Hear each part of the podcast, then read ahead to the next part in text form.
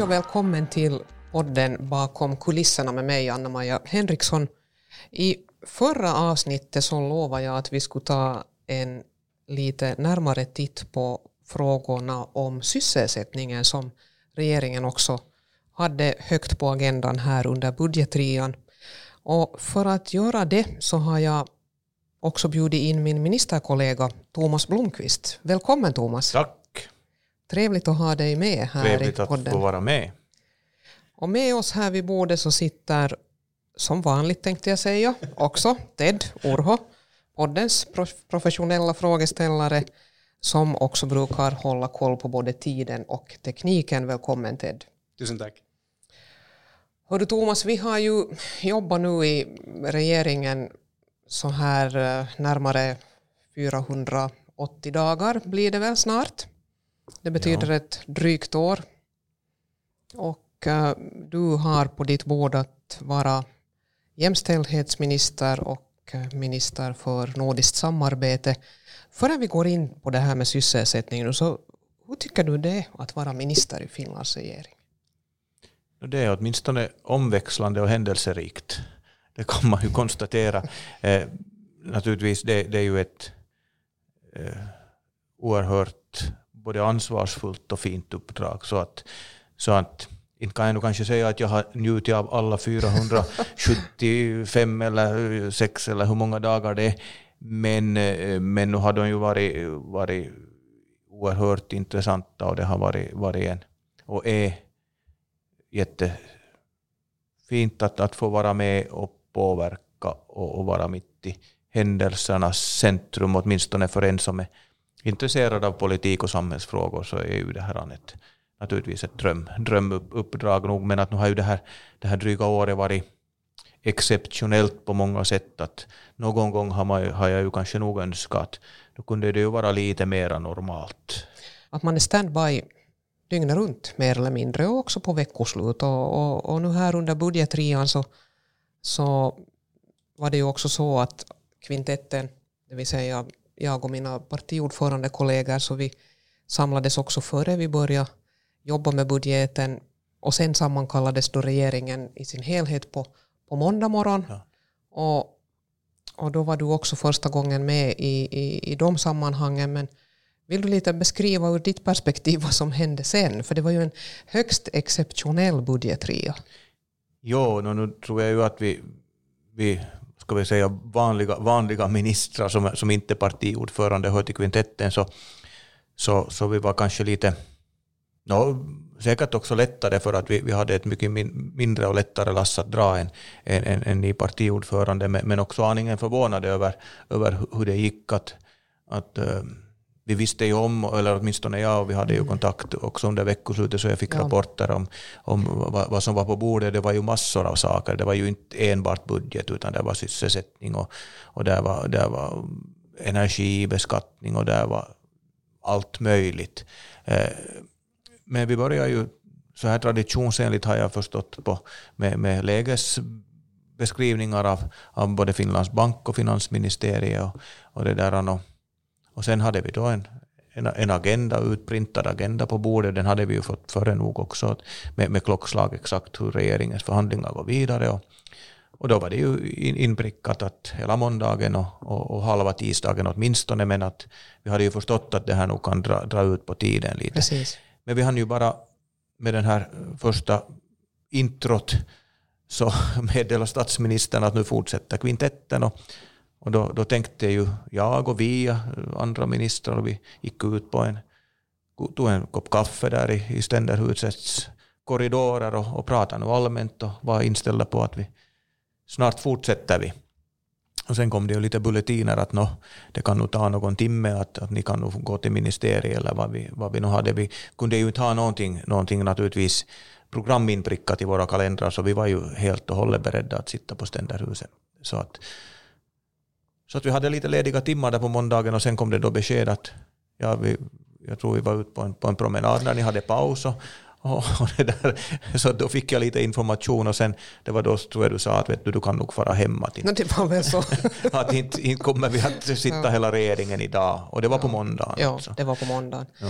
Nej, du har alldeles rätt i det här och det blev ju på det sättet en, en, en hemskt annorlunda process. Och det var ju lite som att man, man hade inte ens hunnit äta upp förrätten förrän man blev liksom avbruten i middagen Nej, om man vill säga det på det sättet.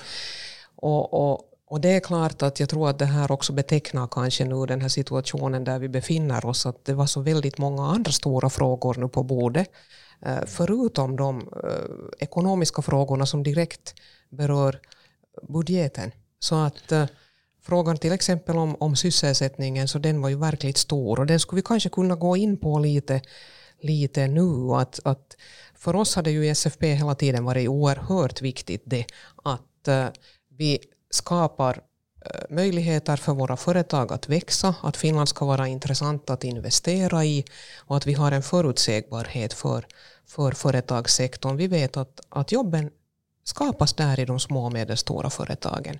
Och därför så var just den här sysselsättningsbiten för oss nog oerhört central i, i, i allt det här arbetet som vi gjorde. Men vad tycker du Thomas om det här som vi nu sen landar med? För vi landar, om, vi landar ju med ett paket nu som ska ge enligt finansministeriets beräkningar mellan 31 till 36 000 till sysselsatta mm. i det här första skedet. Och sen har vi dessutom då höjt regeringens målsättning så att vi eh, borde få till stånd beslut som innebär upp till 80 000 nya sysselsatta. Men dina tankegångar nu kring, kring det här första paketet som vi kom fram till? Jag, jag, jag är väldigt glad över att, över att man gjorde den här kopplingen överhuvudtaget, för vi alla visste ju att vi behöver, vi behöver ha en budget som, som kan hantera den kris vi befinner oss i och som, som hjälper, både hjälper människor till, till liv och hälsa, men också stimulerar ekonomin. Och för att det här ska vara möjligt och för att vi ska våga göra en sån budget så behöver vi ha vetskap om att vi kan för, ha åtgärder som förbättrar sysselsättningen. Och det var ju också orsaken till varför, varför den här var så avvikande, mm. den här budgetrian. Eh, vi, vi kom ju sen i mål på, eh, ja, på, på tisdag kväll var det väl ganska klart och på onsdagen, onsdagen blev det befäst. Och, och, och, jag tycker ju att det här paketet är bra. Det är klart att, att i SFP hade vi gärna sett att vi skulle ha gjort ännu lite mera, men, men här kom i alla fall en hel del åtgärder som nog också finansministeriet, som ju inte på något sätt har, har sett ur så här politisk synvinkel att är det, är det här politiskt bra nu att, att marknadsföra för regeringen, utan de har faktiskt kritiskt granskat de här åtgärderna hur många arbetsplatser, hur många sysselsatta kan vi få med de här? Och, och det är ett, var ett minimikrav att vi ska ha 30 000 och nu är vi lite över 30 000. Och, och, och det var nog helt avgörande för oss och för, för regeringen, skulle jag våga påstå, att vi, vi kunde sen ta det här hela paketet, att vi har ändå en, stark sysselsättnings starkt sysselsättnings trovärdigt sånt paket och samtidigt ännu jobbar vi på det som du just sa, att, att vi vill förstärka och förbättra företagens möjligheter att verka i Finland. Ja. En liten lekmannafråga. Mm. Var kommer de här jobben att, att uppstå och hur? Det är mm. kanske det som, som jag som lekman sitter och funderar på ganska mycket. Ja. Och det är en helt berättigad fråga. Alltså dels så är det ju så att eh, vi kan påminna oss om det att vi tog beslut också om att vi sänker elskatten nu till, till EUs miniminivå när det gäller industrin. Och det här tror vi ju att ska förbättra kon konkurrenskraften också för vår industri så att man också i industrin äh, kan börja anställa mera folk. Men sen handlar det här nog helt enkelt konkret om det att, att vi med den här nordiska arbetskraftsmodellen eller för arbetsförmedlingsmodellen ska vi säga så vill vi ju nå ett effektivare system med hur jobb förmedlas i Finland.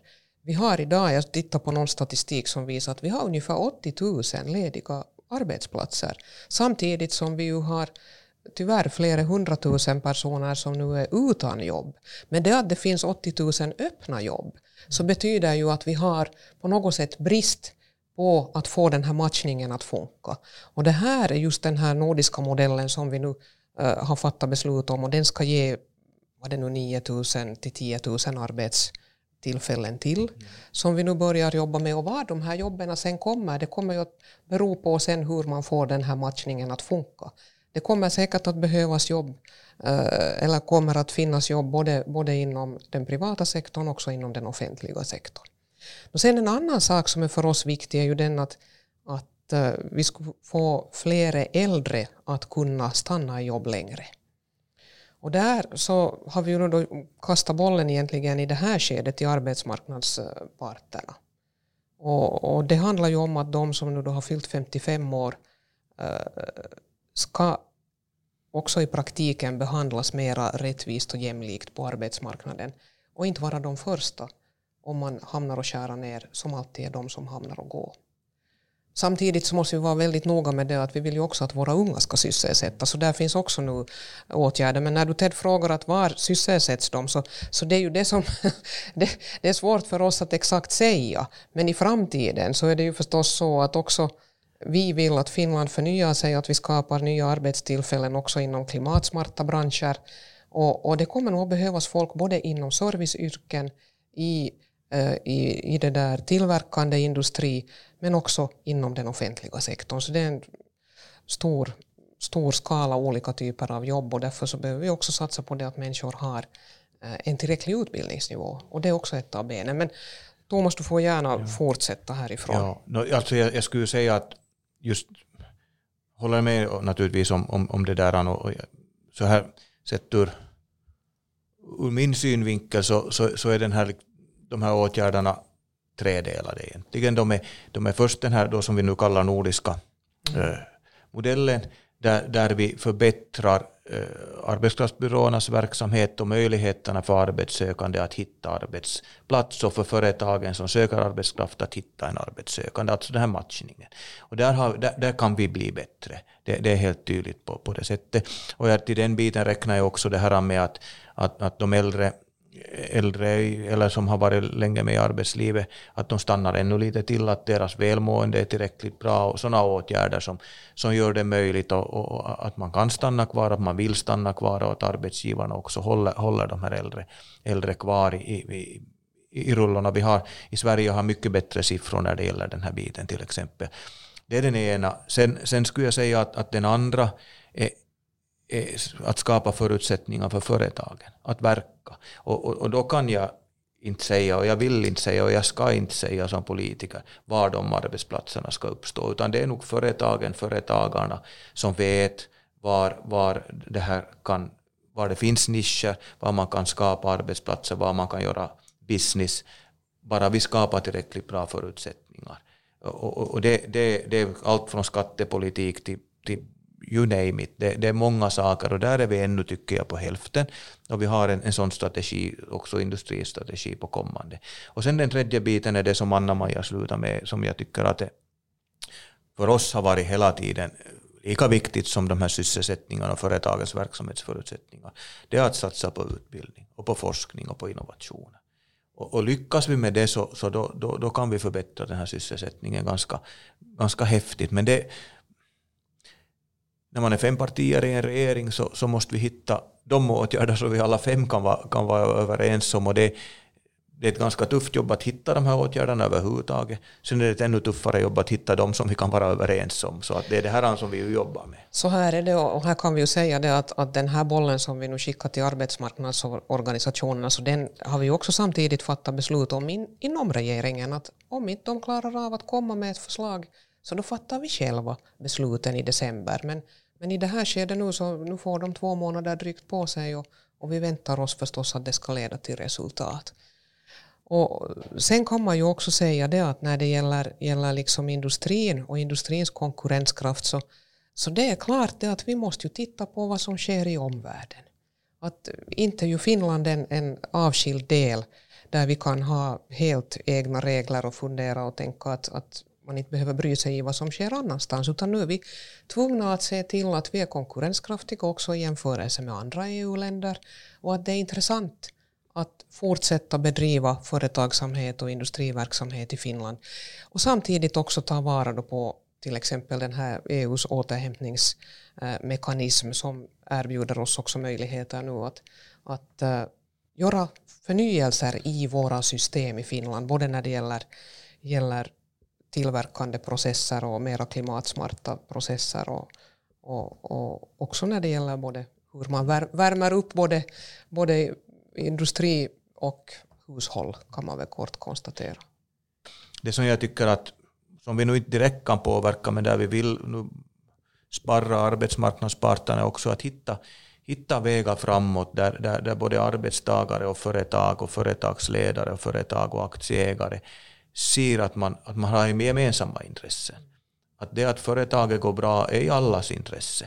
Då kan man skapa arbetsplatser, då kommer det skatteintäkter både via löne, lönebeskattningen men också samfundsskatten, alltså de skatter företagen betalar. Och, och, och det här är vi också lite sämre på i, i Finland än i till exempel Sverige. Det handlar också om att, att, att, att de anställda ska ha möjligheter att påverka företaget via styrelseplatser eller vad som helst. Men det handlar också om en större flexibilitet på den lokala, på, på arbetsplatsen som vi pratar för och som, som vi hoppas att man också kan komma framåt i. Och det kan man ju nog säga att när det gäller just de här lokala avtalen så vi skulle gärna säga att, att vi nu skulle komma framåt med dem. Jag, jag, tror ju att det viktigaste för arbetstagarna är ändå det att arbetsplatsen blir kvar. Att vi inte får mm. en sån situation att, att konkurrenskraften försämras och arbetsplatserna försvinner.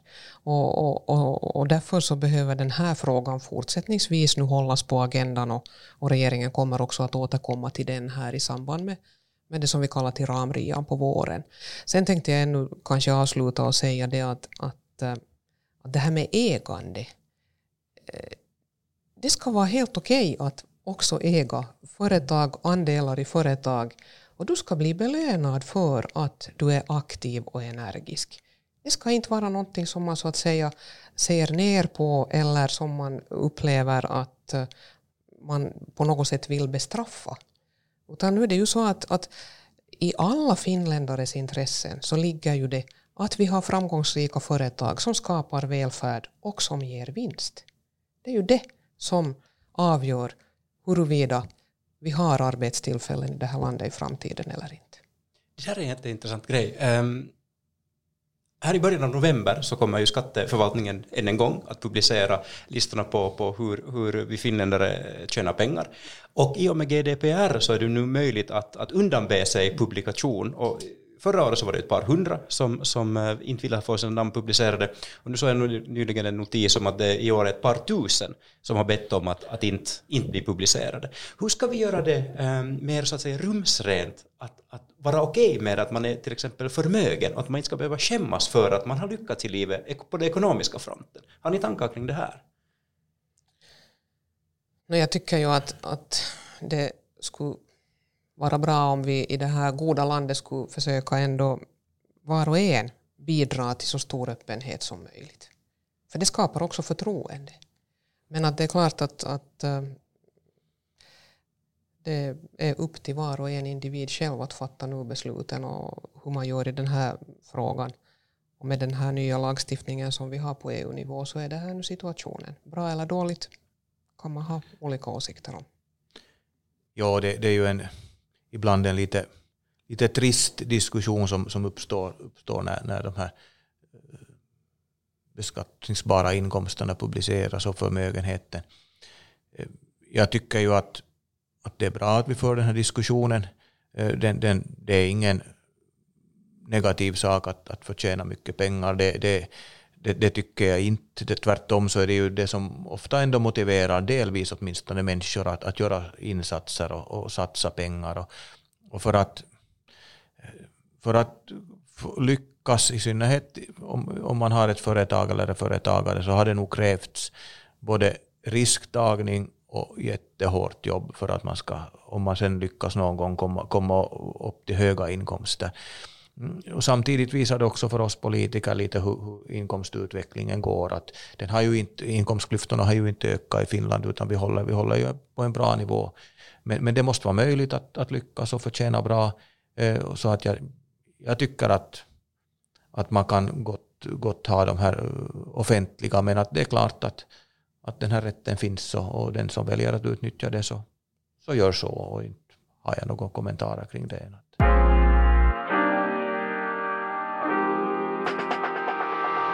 Nu inkommande lördag så håller SFP sin partidag och eh, det är ju normalt så att vi brukar ha partidag i början av juni. Någon gång har vi också haft i maj. Men nu insåg vi ganska tidigt i, i vår att uh, på grund av coronaläget så var det klokast att skjuta upp partidagen. Och därför så kommer den nu då att gå av stapeln i Vanda uh, på lördag. Och det blir en annorlunda partidag på det sättet att, att eh, dels så kan man för första gången nu delta eh, per distans på partidagen, också rösta på distans och delta i debatten. Och dels kan man också vara personligt närvarande. Och samtidigt så blir det liksom en endagspartidag. Vanligen så brukar vi hålla på i, i två dagar. Och vi brukar ha en trevlig middag som vi avslutar lördagen med den här gången. Så blir det inte en sån tillställning överhuvudtaget utan på grund av coronaläget så, så står vi nu över den här middagen. Men men jag ser ju ändå mycket fram emot den här partidagen för att det är ju det tillfälle där eh, SFP-are från hela landet kommer samman, träffas, diskuterar aktuella frågor och, och, och funderar på framtiden. Vi behandlar sen motioner och annat och partiordförande håller ett tal och, och det blir en allmän politisk debatt där var och en har möjlighet att uttala sig om olika frågor och så vidare. Så att se fram emot det här nu. Men har du Thomas några sådana tankar nu kring årets partidag? Eller vad är dina, no, vi, vad är dina upplevelser från partidagar? No, men dem kanske vi inte ska gå in så no, i detalj på. Men. Nej, no, det, det, det, har, det har blivit, blivit en hel, hel del partidagar och en hel del ja. upplevelser under åren. Vi satt här före, före och fundera lite när, när, man för, när jag första gången, eller när vi första gången deltog i någon partidag. Och jag, jag är lite osäker på, men, men det ska väl vara ungefär 25 partidagen för min del. Eh, och jag, jag, instämmer ju helt i det att, att de, de är ju nog oerhört viktiga för, för ett parti som SFP, säkert för alla partier. Men för en folkrörelse som, som vår så, så kommer man samman och kan, kan dels diskutera den politiska linjen, ställa de partiledningen till svars, riksdagsledamöter, ministrar, de gångerna vi har sådana, och det har vi nu haft mm. för det mesta.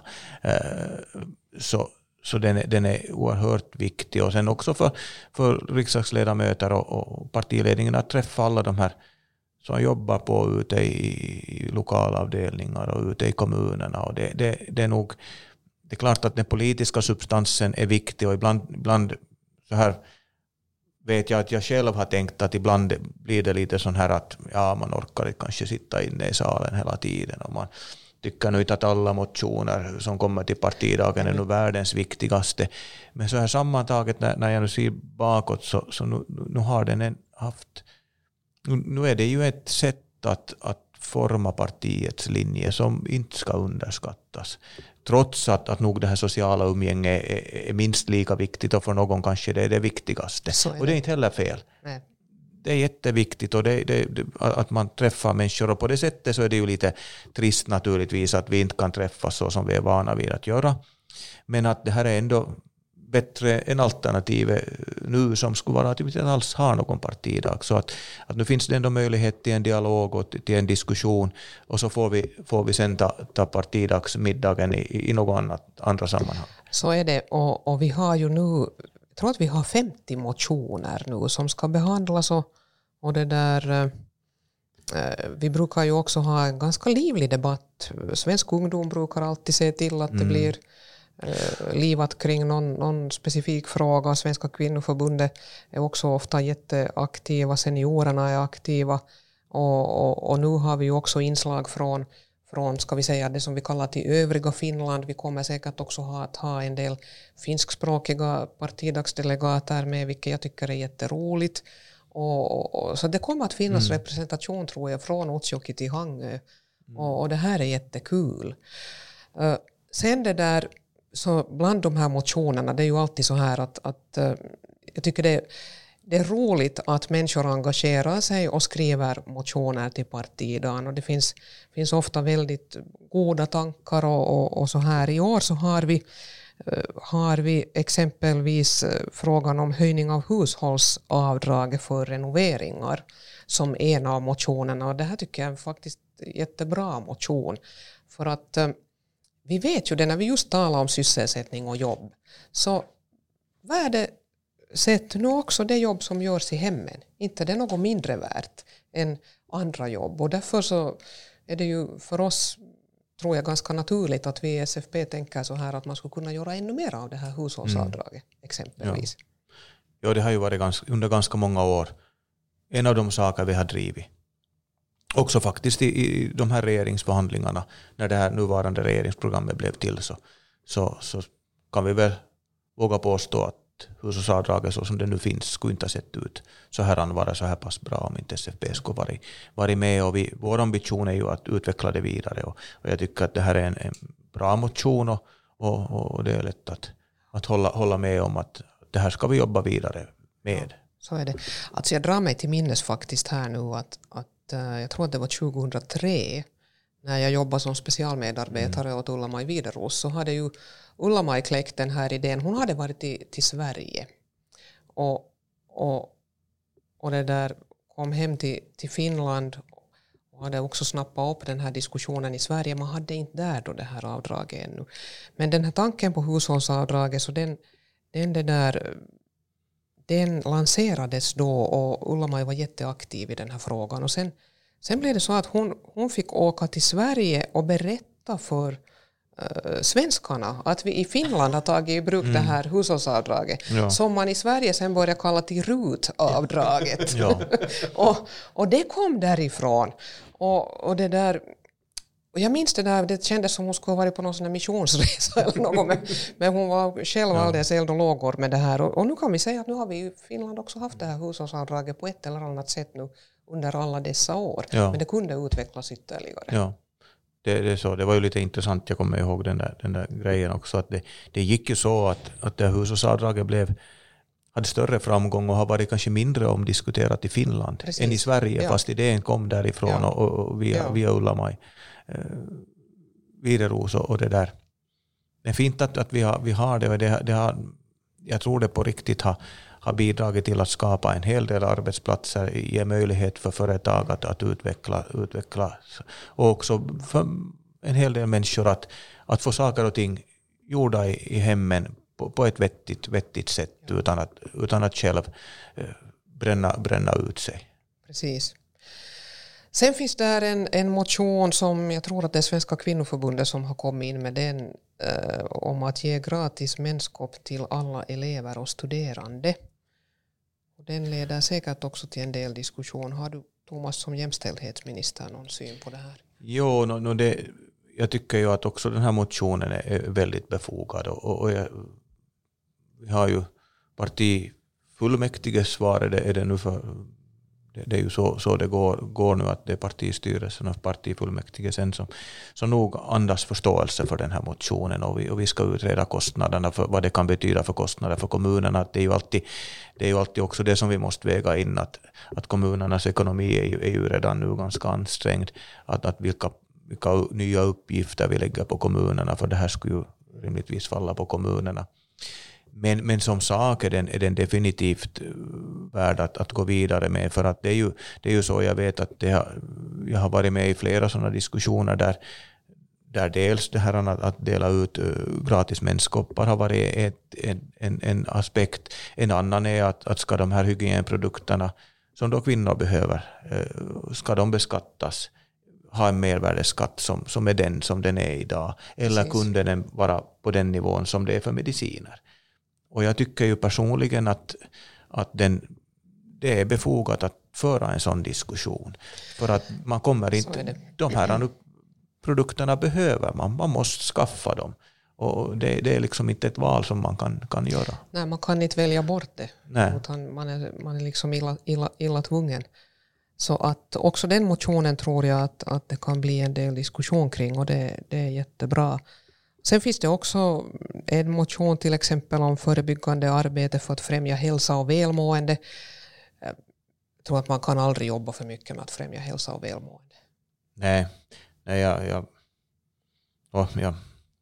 Vi får, vi får ju säkert, åtminstone jag ser mig i spegeln alltid mellanåt. Jag, jag skulle gärna jobba betydligt mer med min egen hälsa, för min egen hälsa och mitt eget välmående, men man hinner ja. inte alltid. Och det, det handlar naturligtvis också om, om att prioritera förstås, men, men nog så här för, för oss som politiker så handlar det väl om att, att, att dels ha, att det ska finnas resurser i, i kommunerna, i samhället överlag, att satsa också på det förebyggande arbetet. Och jag, jag vet, som har varit med och, och du har varit lika länge, Anna-Maja, i, i kommunalpolitiken, att, att vissa utgifter bara måste man bestrida så att säga. Man, må, man måste, det måste finnas pengar till sjukvård. Och det är helt rätt.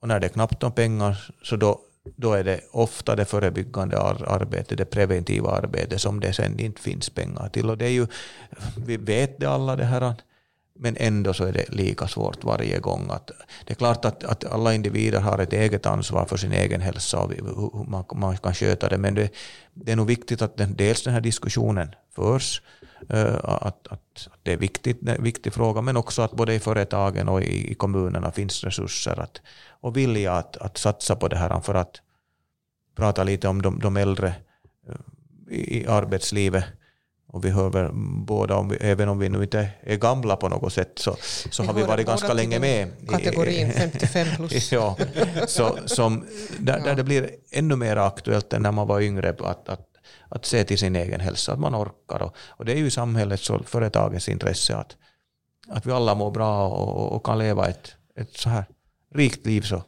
det, så länge som möjligt. Det är ju just det här och det var ju därför jag ringde åt dig också när jag fick den där pausen där på Ständerhuset då vi förhandlade om budgeten. För mm. jag sa åt mina kvintett-kollegor att jag måste ut och gå för att jag måste röra på mig. Vi har suttit och suttit och suttit eh, dygn efter dygn. Och människan mår ju inte bra av sittande. Nej. Nej. Och sen faktiskt det här att, att ha liksom möten eh, eller träffas så att man kan diskutera saker och samtidigt promenera. Det tycker jag är en bra grej. Men när vi pratar om det här att se till nu att uh, satsa på att människor själva också har större möjligheter att ta hand om sin egen hälsa så då kommer jag också att osökt tänka på den här vårdreformen som vi nu håller på med. Och vi ska inte desto närmare gå in på den nu idag för då blir vi aldrig klara med den här podden. Men det som jag tänkte säga är det att när det gäller till exempel nu finansieringsfrågan så, så är det ju ingen hemlighet att vi i Svenska Folkpartiet tycker att man också borde belöna eh, för att eh, kommuner och regioner agerar på ett sådant sätt att man förebygger sjukdomar och inte bara belöna för att man har så många sjuka som möjligt. Nej. Nej, jag, jag, jag kommer ihåg när jag, när jag som blev i början av min politiska karriär blev vald till gruppordförande för SSPs fullmäktigegrupp i Ekenäs. Också då hade vi knappa tider i kommunen. Och då, då, då tyckte jag att jag ska ta mitt ansvar och nu ska vi, nu ska vi, nu, vi måste helt enkelt ta bort alla, alla onödiga kostnader. Jag tänker inte längre så här, men då, då, då tänkte jag att, och så gick jag till social och hälsovårdsdirektören och, och sa att, nu, att vi vill satsa på, på äldreomsorgen, men, men allt annat onödigt icke lagstadgat kan vi ta bort. Och hennes svar var att, att ja, att, att vi har nog redan i princip tagit bort allt annat. Att, att det liksom finns ingenting att ska vi ta bort någonting så är det från äldreomsorgen. Nå, med det här vill jag säga bara det att jag har insett med åren att att det här förebyggande arbetet, som ju, ju säkert inte ryms med nu i det här som jag säger nu i, i social och hälsovårdsreformen, men allt från, från att vi har att vi har välskötta yttre områden i våra kommuner, att vi har parker, att vi har friluftsområden, att vi har eh, cykelvägar, att, att, att det liksom är trivsamt och att det finns möjligheter, låg tröskel att, att fara ut och göra någonting, vad som helst. Så det, det är ju egentligen det vi borde satsa mera på. Det, det såg jag kanske inte riktigt då som ändå relativt ung 30-åring. Eh, men, men jag har insett att det har allt större betydelse och nu är ju den här svårigheten och utmaningen för oss att få in det här i social och hälsovårdsreformen. Inte menar jag så att, att man ska få, den som har mest bäst skötta parkerna ska få, få mera pengar, men nog det förebyggande arbetet generellt och det är jättesvårt. Vi har haft diskussioner med, med, med tjänstemännen. Det, det, är svårt att hitta mätare, objektiva mätare. Men jag tycker att, att vi ska inte ge upp för att det här är nog en så viktig sak att vi, vi skulle kunna få ner social och hälsovårdskostnader, sjukvårdskostnader ganska mycket om vi skulle lyckas med det, med det förebyggande arbetet. Och de kommuner som gör bra här så ska belönas och inte bestraffas. Exakt så här tycker vi. Det har kommit in också nu en publikfråga. Ted, kan du ta fram den? Ja, jag ska öppna den här podden at sfp.fi e-post-inboxen och här kommit en fråga från Patrik. Kommer höjningen av alkoholskatten att resultera i att man köper utomlands och att vi i Finland blir av med skatteintäkter? Jag vill minnas att den här frågan diskuterades väldigt mycket då Ulla var, vi, var, var andra finansminister också 2003. Den diskuterades mycket då, då hade vi ingen corona. Och det var ju tur då det, men jag tänkte lite, tänkte att nu, nu, får, nu är vi ju i den situationen att vi stänger gränser igen.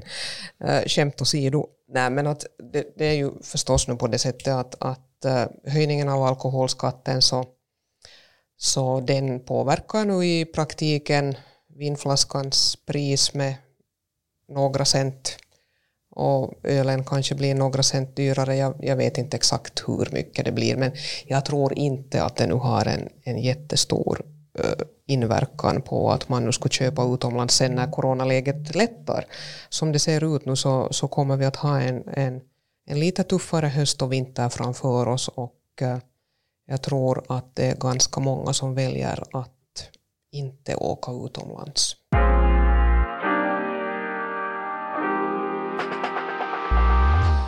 Här tror jag att eh, det är bra att avrunda för idag och tack Thomas för att du var med och tack också till dig Ted.